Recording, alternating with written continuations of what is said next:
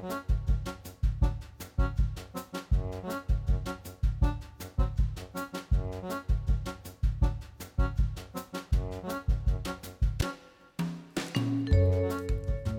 og sæl og velkomin í mannlega þáttinn. Í dag er mánudagur og það er 7. november. Og 1550 Jón Arason biskup á Hólum og sinir hans Björn Jónsson prestur og melstað og Ari Jónsson lögmaður voru teknir af lífi í skálholti. Og það var eftir harðvítugar deilur á milli lúteskra manna og katholskra um völd í landinu. Hvað annað Já, en völd? Já, já, það var ekkert hálkák í þessum málum. Eh, 1718, danska herskipið Göteborg strandaði við Ölfusár Ósa, áhöfnin bjargaðist. Og svo var það 1931, héraskólinn í Reykholti var víður, hann var einn af nýju skólum sem stopnaðar voru að frumkvæði Jónasar Jónssonar frá Hriblu. Fyrsti hluti hitaveitu Suðunesja var tekin í nótkun á þessum degi árið 1976. 1987 Ólafur Ragnar Grímsson var formaður Alþjóðbandalagsins og tók við af Svavari Gessinni. Eh, bandaríski körugnallegsmaðurinn Magic Johnson eh, tilkynnti að hann væri með HVF sem að batt enda á ferilans eh, þar að segja að þetta var á þessum degi árið 1991 hann reyndar tók þátt í olimpíuleikonum árið eftir í, með bandaríska landsliðinu og þau eins og eftirminnilegt var unnu gull kalluðust Dream Team. Já, fyrsta skipti sem NBA-leikmenni voru fengið að keppa þar. Akkurat. 2000 uh, George Bush, þar að segja George Tvöfaldvaf Bush, var kjörinn fórsiti bandaríkjana eftir naumann sigur á Al Gore. Svo var á þessum degi árið 2002 sem að íbúar Gíbraltar höfnuðu saminningu við Spán í þjóðaratkvæðagreislu. Við ætlum að fjalla þessum köld böð og sjósund í dag. Það er málþingu um þetta efni á morgun og spurt er, er þetta heilsuefling eða öfgar? Náttúruleikningafélag Íslands eh, stendur fyrir þessu og ymsir sem koma þarna fram og flytja erindi. Meðal þeirra er Björn Rúnar Lúðvíksson, professor og yfirleiknir ónæmisfræði deildar landsbítalans og hans erindi nefnist Sjórin er skelvilega góður. Meira um það hér og eftir. Já, uh, við fáum nýjan pistil eða vinkil frá uh, Guðjóni Helga Ólasinni en hann kallar pistla sína vinkla og í þetta sinn ætlar hann að bera vinkil sinn upp að sveitaböllum. Já. Og Svo er það lesandi vikunar í lokin, það er Einar Kári Jóhansson bókaútgefandi. Fáum hann auðvitað til að segja okkur hvað hann hefur verið að lesa undanfarið. Við byrjum á tónlist. Já, og það venjulega. er Hera Hjartadóttir sem ætlar að flytja vegbúan eftir, eftir KK.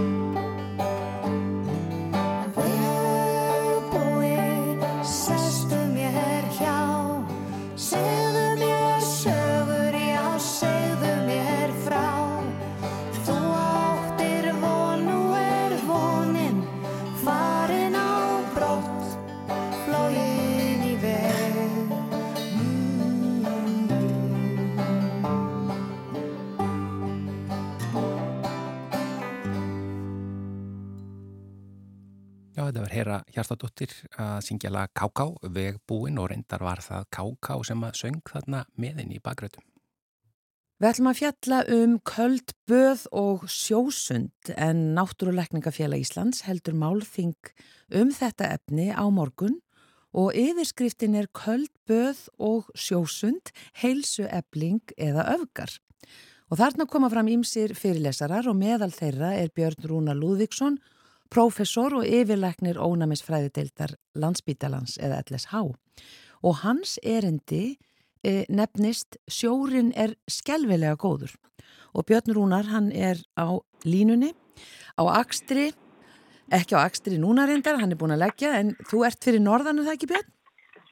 Jú, jú, ég er í höfustafn Norðalands, Akureyri. Já. Hvernig er veðrið? Maður byrjar alltaf á því.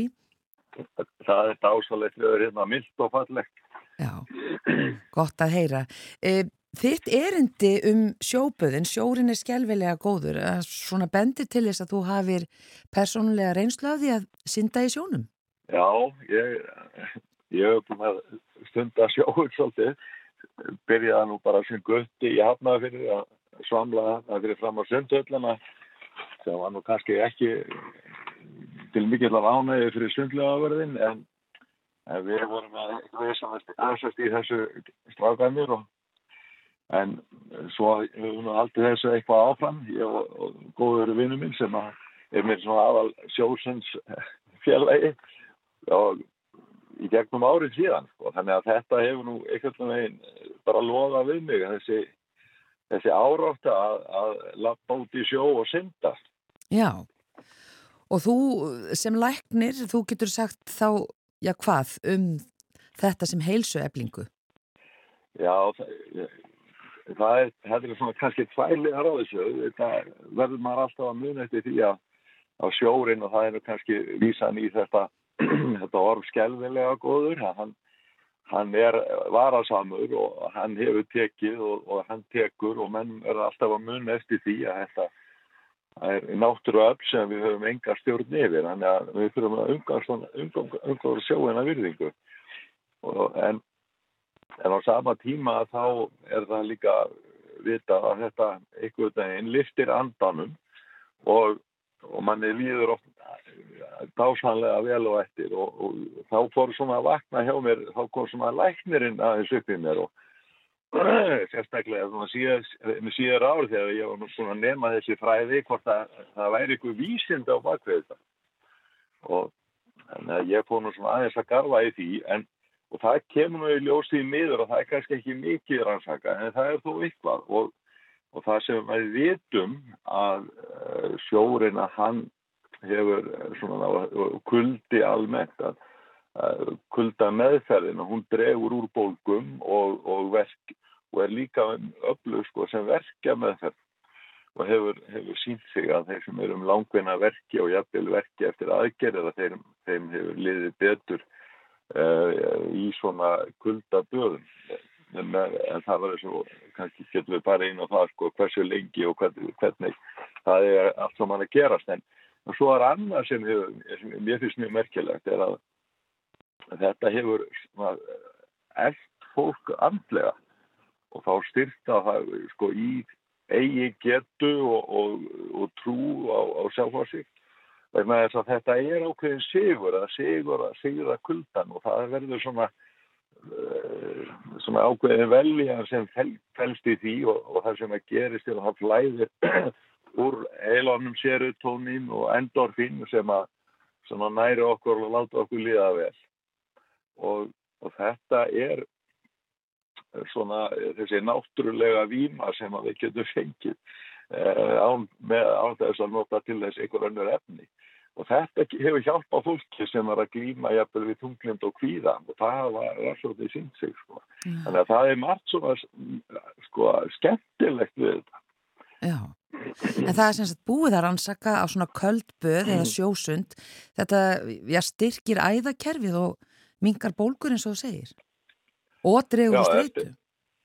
Já og svo hafa nú líka annað sem að getur gerst hjá, hjá þeim sem að stunda þetta svona skinsanlega í tölvöld langan tíma að þá er möguleika að breyta hlutfalli fytunar þannig að við fyrirum að fá meira það sem við köllum svona brúna fytu og, og, og, er alveg að þetta brúna fytubrenslu en, en hún hefur mjög jákvæð áhrif á efnarskipin þannig að uh, það getur þá haft síðan hugsanlega og það er einhverja rannsóknir en styrkur þeirra rannsóknir er kannski ekki jafngóður sem sýnir það að það bæti hægt og rólega á æðakerfi. En En hins vegar getur þetta þá haft jákvæð áhrif og, og aukið möguleika okkar til þess að þóla mikið mikla nýkslu og síkri og annað. En, en það er og, og dreigið úr fyrstu sko. Þannig að maður getur svona, má segja að þetta er svona ákveðið le, leiðið að letast en, en það sem að raunlega gerist er það að ert að breyta þessu hlutfalli frá þessu slæmu fyrstu yfir í þessa brúna fyrstu en Já. það tekur svolítið tíma Já, og hvað er þessi brúna fyrta segiru?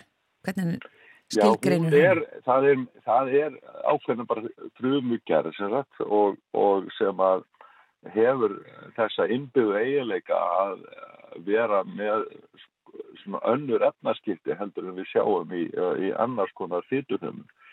Þannig að það er mjög merkilegt og, og, og nú, hefur nú tölvöld verið rannsaka. En, en þetta getur við sjálfað upp og aukið hægt og rólega. Þú, þú, það er ekkert það er enga skindilösnir í þessu frekar en nokkur öðru í lífinu sko en, en, eh, en svo er annað sem að fylgir sko kannski meira sjósundunu þannig að þeir sem er að fá að synda í sjónum að þá ef þú ert að synda eitthvað og reyna á þig þá náttúrulega ert að auka þól og þól hins vegar hefur allar þólæfingar að er geta haft alveg gríðarlega jákað áhrif á, á alla hilsu og, og mjög marga þætti hilsuna.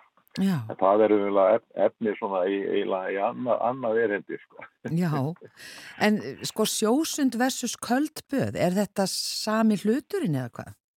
Nei, þetta er ekki alveg sami hluturinn. Það sem þetta á sami er kannski er þetta, er þá þessi kulda meðferð sem að er þá verið að hugsa, hugsa um og og þessi köldu pottar sem að eh, ég hef nú mikla ánæða því að fara í köldu pottin en hins vegar hef ég langmest ánæða með því að fara í sjóin en, en, en kuldin í köldu, köldu pottanum að það er svona er ákveðin ákveðin miskilningur um uh, gildi þess og menn hafa nú verið að nota þetta sérstaklega íþrótafólk og með það í huga að geta ná meiri árangri og bætt árangur sinn og verið getið tekið erfiðara æfingar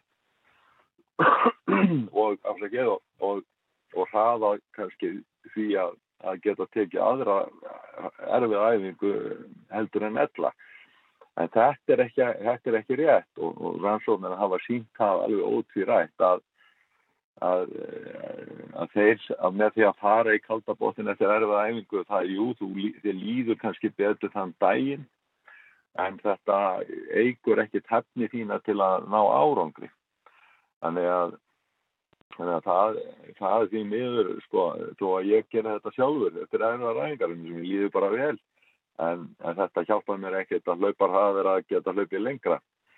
Eh, en þannig að það, það er svona mikilvægt að fólk áttur sig á því.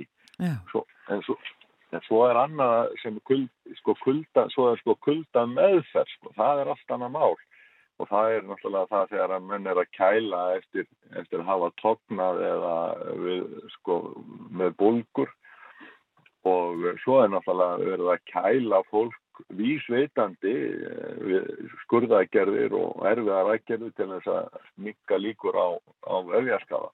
En það er orðið miklu, miklu, miklu sérhæðar og floknara mál eh, og, og bara eiginlega görgæslu með þetta sko. Þannig að, þannig að það er svona ímislegt sko margir fletir á þessu og svo hefur verið að búa til svona klefa sem setjast inn í einhverja halgerða fristegklefa og en það er alveg sami raunverulega sama á við þá eins og, eins og það sem ég voru að tala um á þann varandi kuldan en, en, en kuldin er góður ef að menn hafa tóknað eitthvað slíkt bara í, í skaman tíma þess að menn er að setja kæluboka og, og, og draga þannig úr uh, blæðingun í vefi og annað. En, en, það, til að ná jafna sig eftir erfiðar æfingar eða, eða það, það, hjálpa, það hefur ekkert að segja Já, á, ágætt að vita það en svona þessi köldu böð og sjósund, þetta er já, orðið bara mjög vinsælt og svona kannski sérstaklega mikil aukning í þessum köldu böðum. Er þetta fyrir alla? Nei, það er gott og kost inn á þetta vegna þess að menn verða að passa sig og þess vegna verður tella inn hann á sjórin getur skelvilega góðu. Þetta getur endað illa menn fari ekki valega. Og, og sérstaklega fólk sem eru með langa og erfi og langvinna sjúkdóma og, og, og sér í lagi nýrnarsjúkdóma, háa blóðfyrir stinga og hjert og aðja sjúkdóma. Þetta fólk verður að, að ráþæra sig við sinn heimilisleikni áður en að þér af stað út í svona og þá gildir þetta þessi gull, gullna regla að fara valega og, og hérna og, og byrja mjög rólega og það sem annað er í þessu að, að bestu sko heilsu áhrifin nást þegar að fólk er í uh, kulda sem er svona millir 6 og 10 gráður. En, en, uh, en allt þar fyrir neðan að það getur jafnvel haft öfu áhrif sko. þannig að, þannig að það, það þarf að vera kannski svona 3-5 mínútur í, í, í þeim kulda. Það, það eru nokkuð góður ansóknir sem, sem sína þetta. En þannig að það er menn er að passa sem að, að lenda ekki ofkjælingu sko. og, og hún getur verið hættuleg. Þannig að líkam sittir náttúrulega að vera þess að 36, 9, 37, 34 gráður. Og, og, og er mjög nákvæmlega stílt en um leið og líkansittin fyrir að detta niður fyrir 36 og þá geta menn byrjað að fá hættuleg enginni og, og þetta er lífshættuleg þegar þetta kemur niðan fyrir þær tölur þannig að þetta, menn verða að fara mjög vallega þegar að, sérstaklega núna þegar að veturinn gengur í gard og sjórin hægt og rólega kólnar og fer alveg niður undir frostmarkið í, í, í, í hittastíðu sko, þá, þá er vissar að fara mjög valega. Já. Já, þannig að það eru marga hliðar á þessu en uh, þið ætlið að ræða þetta eins og við sjögum á þann á þessu málþingi á morgun klukkan hálf átta á Æslandir Hotel Reykjavík Natúra og þú ert þarna einn af nokkrum með, með eh, erindi. Sannlega fróðlegt og sérstaklega fyrir þá sem higgja einmitt á svona köld böð og sjósunda það, er, það þarf að huga að, að ímsu greinilega. Já, já, en það má ekki gleyma því að, að, að svo er annað í þessu sem er kannski stæsti þátturinn og það er félagskapurinn Þetta er náttúrulega fólk sem er lífsglatt og, og mikið sagt og það er allir svo ánægur og gladir eins og við talaðum um á það þegar þeir fara í, í sjóin og, og er í þessari víðáttu og í, í, í þessum stór, líka þessum líf, lífmassa sem einhvern veginn umviður mann að það er ótrúlega upplifun og, og en, en félagskapurinn er, er, er frábær og það er náttúrulega það líka sem fólk náttúrulega segist í. Já, ekki spurning. Doktor Björn Rúnar Lúðvíksson, professor yfirlagnir ónæmisfræði deildar LSH, kæra þakki fyrir þetta spjall og ég segi bara góða ferð söður. Þakka ekki alveg fyrir.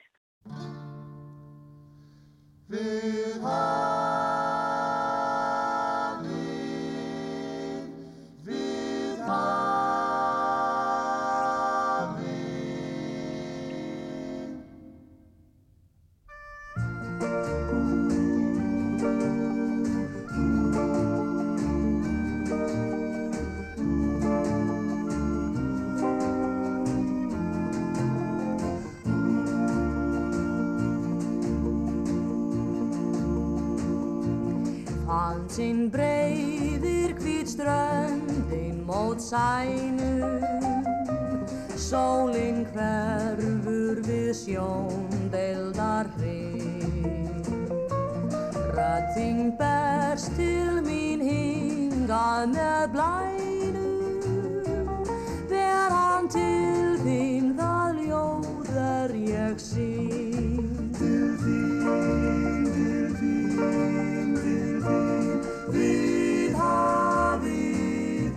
sem hugur minn því fái En þá einu sinn að sjá. Áfram hvíslar blærinn Hvors þú sendir mér, hvors ég sendi þér Hverju flytur særin Til þín, til þín, til þín Við hafið er sem hugur minn því fái En þá einu sinn að sjá hvíslar blærin Kost þú sendir mér, kost ég sendi þér Hverju flytur særin Til þín, til þín, til þín. Er þú kemur heim kofa við byggjum. Kvöldin göngum á forna Við svarblátt hafið í lautu við liggjum Látum blæin upprif okkar ljóð. Til þín, til þín, til þín Við hafið er sem hugur minn þig fái En þá einu sinn að sjá. Áfram hvíslar blærin Kost þú sendir mér, kost ég sendi þér Hverju flytur særin Til þín, til þín, til þín Við hafið er sem hugur minn þig fái En þá einu sinn að sjá. Áfram hvíslar blærin Kost þú sendir mér, kost ég sendi þér Hverju flytur særin Til þín,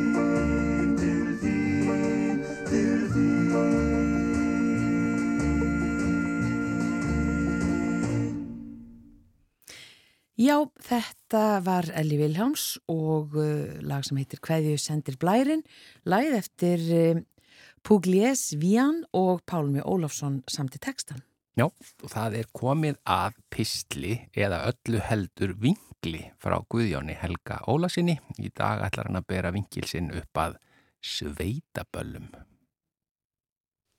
Ágætu hlustendur.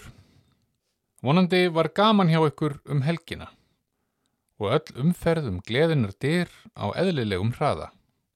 Vingill dagsins er orðin svo lítið riðgaður hjá mér, en það langt síðan að efni hans hætti að vera mér hugleikið. Ég held að það borgi sig að nutta aðeins með steinolíu og púsa svo yfir með hreinum klút ef við eigum að fá einhvern glampa á hann áður en að endurvinnslan tekur við vörslu. Að gefnu tilefni minn ég á að það sem ég man, veit og skil er ekkert endilega í samræmi við upplifun hlustenda fyrirbærinu eða raunveruleikanum ef því er að skipta. Hér koma sem sagt nokkrar hugleðingar um fyrirbærið sveitaball frá mínum bæjardyrum séð. Ég viðkenni að hafa ekki leitt hugan að þessu árum og ég vil ára tugum saman en var á kólsvelli að vinna í síðustu viku og hafði félagsheimilið kvól í auksín part úr degi. Þangað þóttist maður ítrekað eiga erindi til að gera sér glaðan dag fyrir laungu síðan. Ég er hálfrar aldar, aukin heldur 337 daga gamall þegar þetta er ritað. Það er ekkit merkilegt í sjálfu sér, en setur kannski ímestlegt að því sem hér fer og eftir í samhengi fyrir hlustendum. Og kannski ekki, það gerir líka bara ekki til. Yngstu börnin mín hlusta ekki ótilneitt á það sama og ég í útvarpinu. Það hafa þau ítrekað sagt mér með þjósti og sett í sig kvíta eirnatappa um leið, þannig að ég er ekki í sjálfu sér ekkit feiminn að játa hitt og þetta vandræðalegt í dag. Kanski er rétt að hefja játningarnar á að nefna að þegar ég fór í fyrsta skipti á Sveitaball var sjálfræðisaldur Íslendinga 16 ár og þá og aðeins þá mótti maður sækjast líka viðburði, ekki átján eins og í dag. Það er nokkuð örugt að ég hafði ekki aldur til að sækja fyrsta sveitaballið. Ekki frekar en aðrir úr mínum jöfnaldrahópi sem að voru það líka. Pínu galið þegar maður spáir í þessu og strax nú komið hérna 1-0 fyrir nútímanum sem gerir ráð fyrir því að börn séu börn á meðan þau eru enn börn. Ég er nú búin að gleyma hvernig ég komst á fyrsta sveitaballið í félagsheimilið Borg í Grímsnesi en valkosturnir voru að fá far með einhverjum sem maður þekkti og skiptu þó farþegar gerðnan með sér kostnaði við elsneiti sinn kaup eða að kaupa sér miða með langferðabíl og nýta sér kerfi sem kallaðist sætaferðir. Í minningunni ferðaðist maður oft með langferðabílum á þessum aldri eða rútum eins og þær voru kallaðar í daglegu tali og eru enn en tæknilegu heitin voru, ef ég man rétt og skýra sér endar sjálf, áætlunarbill, hópferðabill og svo sætaferðir. Strætisvagnar eða strætó voru fyrirbæri sem nýttust annar staðar en hafa síðan tekið upp á því að dúka upp á mínum heimareit og riði áætlunarbílnum úr sessi sem er miður og efni í sérstakar vingil og nú er komið jafntefli hjá fyrritíð og nútíma. Eitt eitt. En hvað í ósköpunum var ég að þvælast á sveitabal svona bráð ungur og lítið lífsreindur árið 1980 og eitthvað? Við skulum bara skoða það svo lítið. Sumir faraðu þetta á dansleiki til að dansa. Við skulum nú alveg nefna það. Þeir eru reyndar í alvörunni mjög fáir og miklu færri en þeir sem segjast fara á dansleiki til að dansa en eru að ljúa og sækjast líka samkomur eingöngu til að sína sig og passa upp á að aðrir sjáu þá, nú eða þær. En það er nú sennilega eðlilegar kvatir og, og hafa valist til slímsetu í erfðamengi okkar til að tryggja viðgang tegundarinnar. Ég fór ekki á sveitaböll til að dansa. Það bara kann ég ekki. Var alltaf miklu betri í að standa kyrr og vera töff. En þurfti aldrei að reymbast mjög lengi einu við það. Maður hitt alltaf einhver skemmtilegan og það var gaman að spjalla við hann eða hana og þá leið tíminn hratt og ég heyrði líka betur þá sem var kostur í slíkum aðstæðum. Dansinn var sem sagt ekki það sem fekk mig til að sækja dansleiki. Mamma var bísna framsýn og fekk snemma á tilfinninguna að við bræður hefðum gott af því að fara í dansskóla. Eitt haustið voru því dregin á okkur sparifödd og tilkynnt að við skildum fara í tryggvaskála og sækja þar námskeið í dansi. Við tókum þessu eins og hverju öðru hundspiti en gáfum í sjálfur sér aldrei formlegt samþykki þannig lagað. Sáðum aldrei annað en það að jú, við skildum fara út í skála. Það runur nú fljótlega á hana tvær grímur fyrir framann þessa sparifata klættu þverhausa sína og tilkynnti hún okkur að hún skildi skuttla á staðin. Nokkuð sem við vorum alveg óvanir og tókum sem upphefð og skemmtilegri tilbreytingu. Enda ekki búið að finna upp fyrir bærið skuttl fyrir neina alvöru árið 1978. Við príliðum aftur í rauðan Fiat 127 og settumst á örgispeltalausan afturbekkin. Alveg skýt kaldan með sínu svarta pleður áklæði. Ótrúlega sleipu efni og ekki hægt að ætlas til að menn í flauelsbuksum sem að æfinlega voru kallaðar flauelisbuksur heima hjá mér, veit ekki ekkur, og með þverslaufu. Sætu bara grav kyrrir í svo leiðis, en það gerðum við það ekki. Það er ekki laung leið úr fosseiði yfir í tryggvaskála og selfossi. Ég er nokkuð vissum að sætið var ennþá kallt þegar þanga var komið. Og mamma hleyft okkur út úr bílnum, sæðist skildu sækja okkur eftir klukkutíma. Við kvöttum og gengum hægt og rólega upp að tryggvaskála, sögðum ekkert, en þegar tveir metrar voru eftir að útidýra hurðinni, litum við hvor á hinn og snerum okkur svo við. En mamma stóð þá enn við fíatinn og fyldist með okkur arnar augum. Við urðum sem sagt að gjöra svo vel og ganga plankan út á enda. Og fórum örlítið lengra og innum dyr skálans, inn í hlíuna og háristið, þar sem fyrir voru börn á öllum aldri.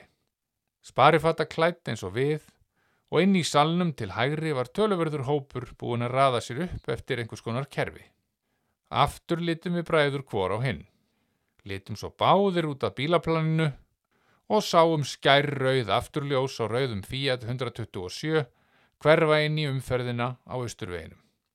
Við sagðum ekki orð, en vissum í okkar sameinlegu bræðra vitund að dansskóli Heiðars Ástvaldssonar færi ekki á hliðina þó að við yfirgæfum þetta samkvæmi.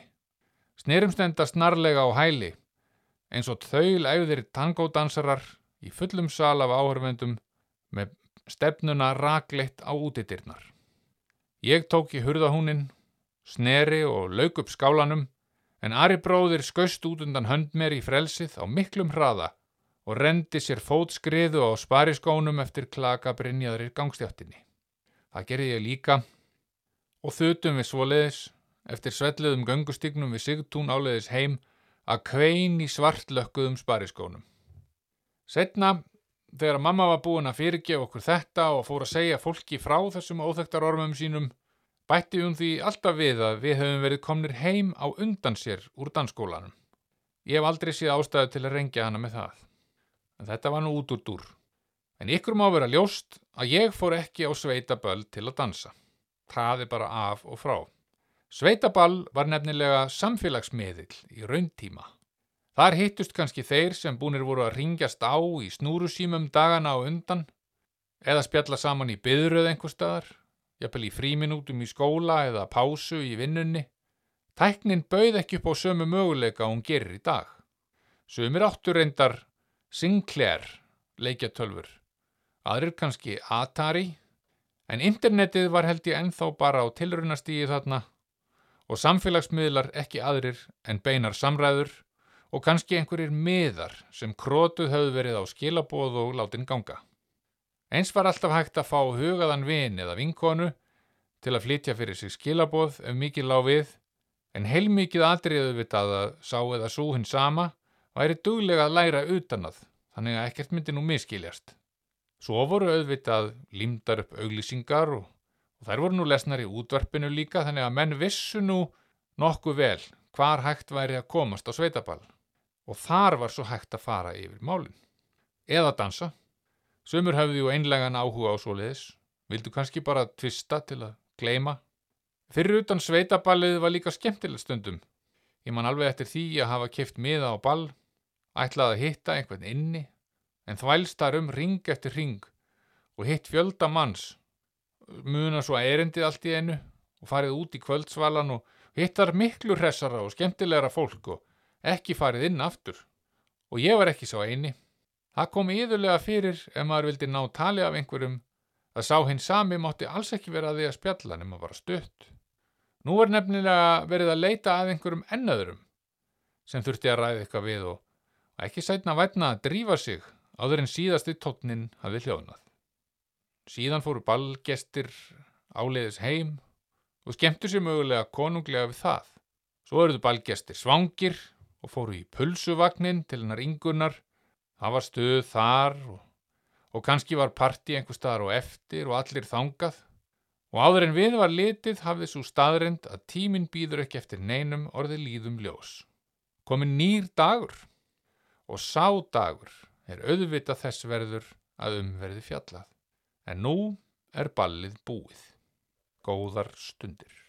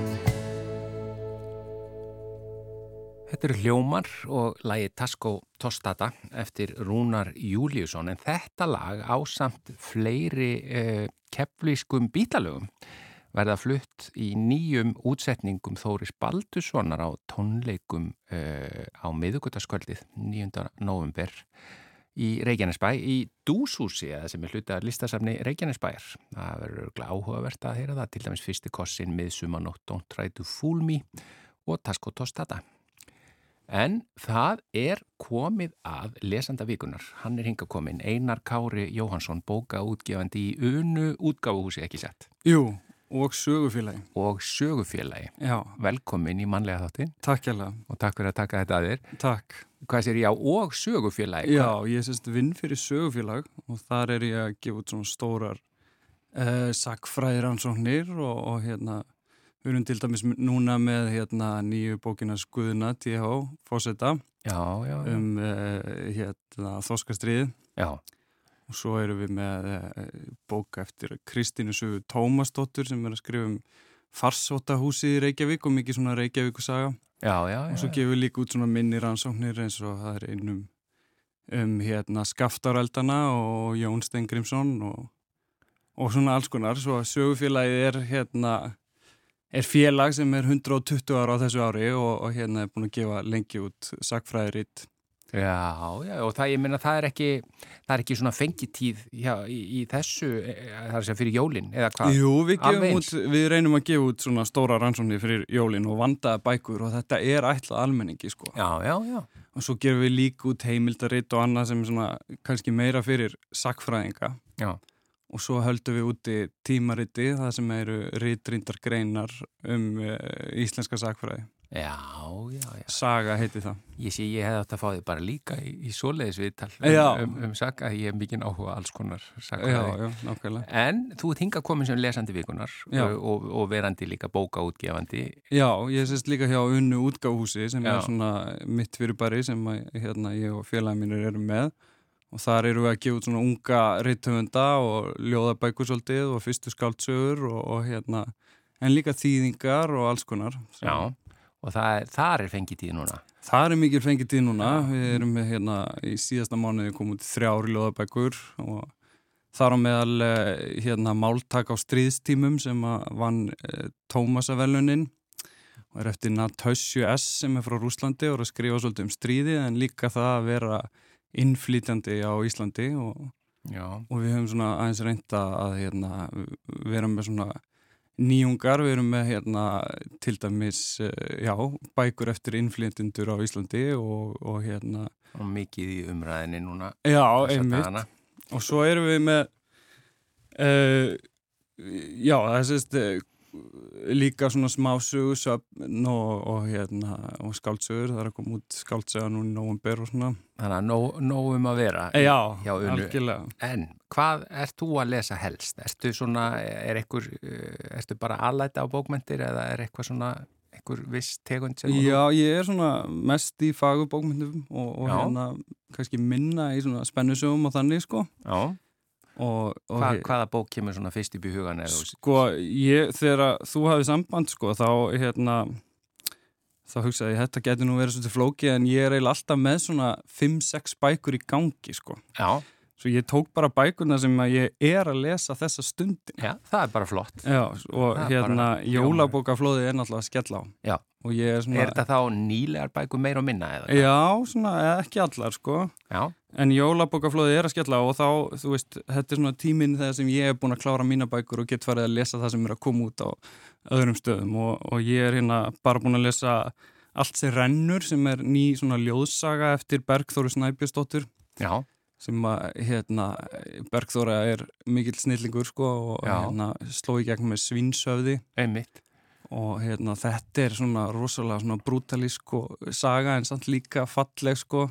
Brútalísk? Já, hún, þetta... hún áða til að draga upp svona, svolítið, svona grótesk myndir, já, myndir sko, ég, ég er hérna- nefnilega ekki bara að við sem ég hef heist þetta að nota svona nei, nei, brútalísk. nei, hún er, Já, hún er hérna já, og hún er, já, þetta er eitthvað svona það sem er það sem er ljótt og fallegt mætast einhvern veginn svona á, á mjög, mjög áhugaverðan hátt sko. Já, stundum getur verið nefnilega fegur í lótleikanum og, og, og er kannski oft. Já, algjörlega. Og, og sko, en svo er ég bara að hérna, stapla upp hjá mér fleiri íslenskum höfundum sem að er að koma út sko. En, en ég er ekki byrjar að lesa í, í, í Þetta er svona ljóðsaga sem að ég hérna, las bara á einu kvöldi sko. Já, já en þetta er svona bók sem maður þarf að lesa aftur sko. og ég vil eiginlega ekki segja of mikið svona, þetta er svona eiginlega kynnslóðasaga líka að einhverju leiti en það hérna maður þarf einhvern veginn að upplifa bara að lesa ljóðsöguna og láta hana opnast fyrir sér sko. Já, sko ljóðsaga bara þannig við fáum Já, að, að sko, þetta er sett upp eins og ljóð en, en það er verið að segja heildrann að sögu sko. Já Einmitt. Hey, svo ertu með hvað, Nobels? Sko? Já, það er svona eh, margir sem eru með áhuga á bókmyndum. Það eru margir að lesa núna Annie Ernaux Já.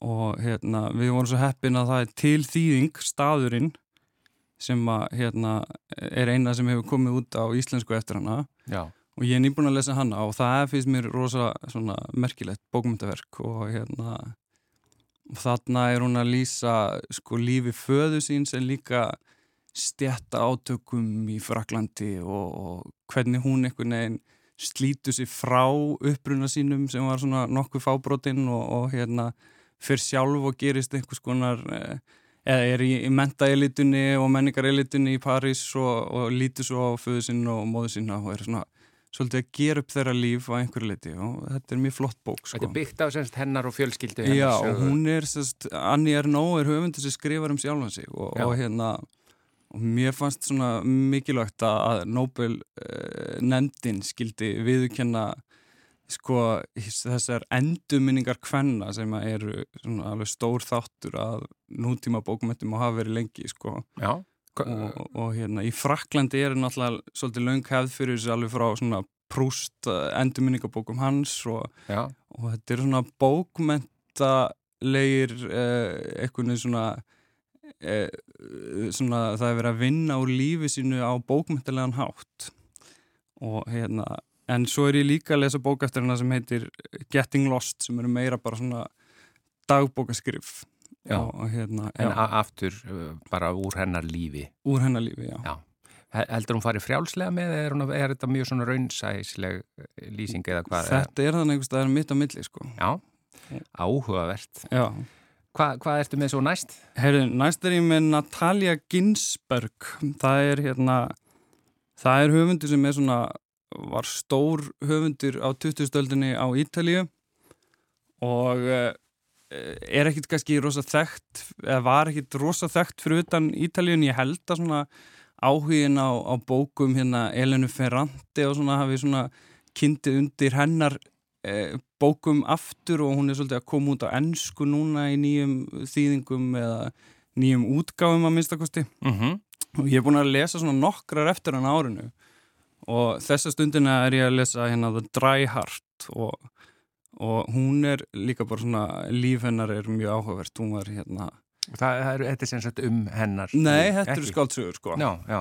en bara hún er hérna stór persóna og, og hérna og segir svolítið í sögunum þetta er oft um svona unga konu sem eru að hérna uh, uh, er að segja frá í fyrstu personu og eru svolítið svona hérna Eh, já, skaf ekki utan að því og, mm. og, hérna, og samt er þetta bæku sem var að koma kannski í kringum stríði sko 42 já. kemur fyrsta bókin þessi sem ég er að lesa er frá 47 já, já, og hérna, þessi dræhart til dæmis uh, hefst á því að, að kona skýtur mannin sinn og, og svo hérna og myrðir hans og svo fáum við svona baksöguna af hverju endaði sambandið á þessum tímapunkti. En á fyrstu blasju það, það fyrsta blasju hefst á morði Já, og hún er frá 1947 Sjö, Já, já, já, og þetta er ansi hérna, sem hefur verið ná talsvert djart kannski? Já, ég myndi halda það. Og, Já. og hérna, já, þetta er mjög merkilegur höfundur og hérna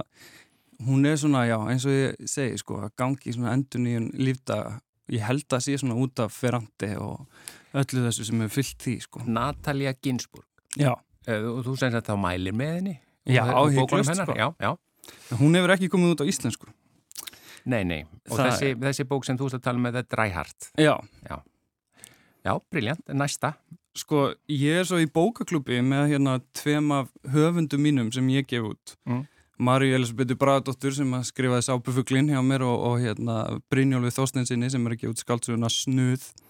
Og við erum í svona bókaklúbi þar sem að við veljum gamlar íslenska þýðingar og lesum þær og, og hérna uh, og, og líka nýjar svo sem. Já. og hérna við erum að lesa Elskugan, þetta er svolítið svona það er eitthvað þema hérna, þetta eru svolítið svona konu frá 20 stöldinni sem ég er búin að vera að lesa akkurat þessa stundina. Já, Og- kom með þeirra óvart þegar þú átt að þeirra á því eða? um, Já, nei, ekkit endilega sko. Þetta er eitthvað sem ég er búin að vera að leita í svona meðvitað alveg sko. Já, og þetta er sérst elskuðin eftir Margaret Duras sem er hérna uh, frægur franskur rithöfundur og, og hún var líka sko í kvikmyndum og gerði svona tilröndakenda myndir og var svona sem hún leikstýri þá já, sjálf og, skrifaði myndir sem voru svona í frönsku nýbylginni og, og hérna og hún sérst ólst upp í Vietnam og Mhm. Kambodíu og þessi bók er, er hérna, ég held að þessi þýðing hafi komið út svona 80 eitthvað.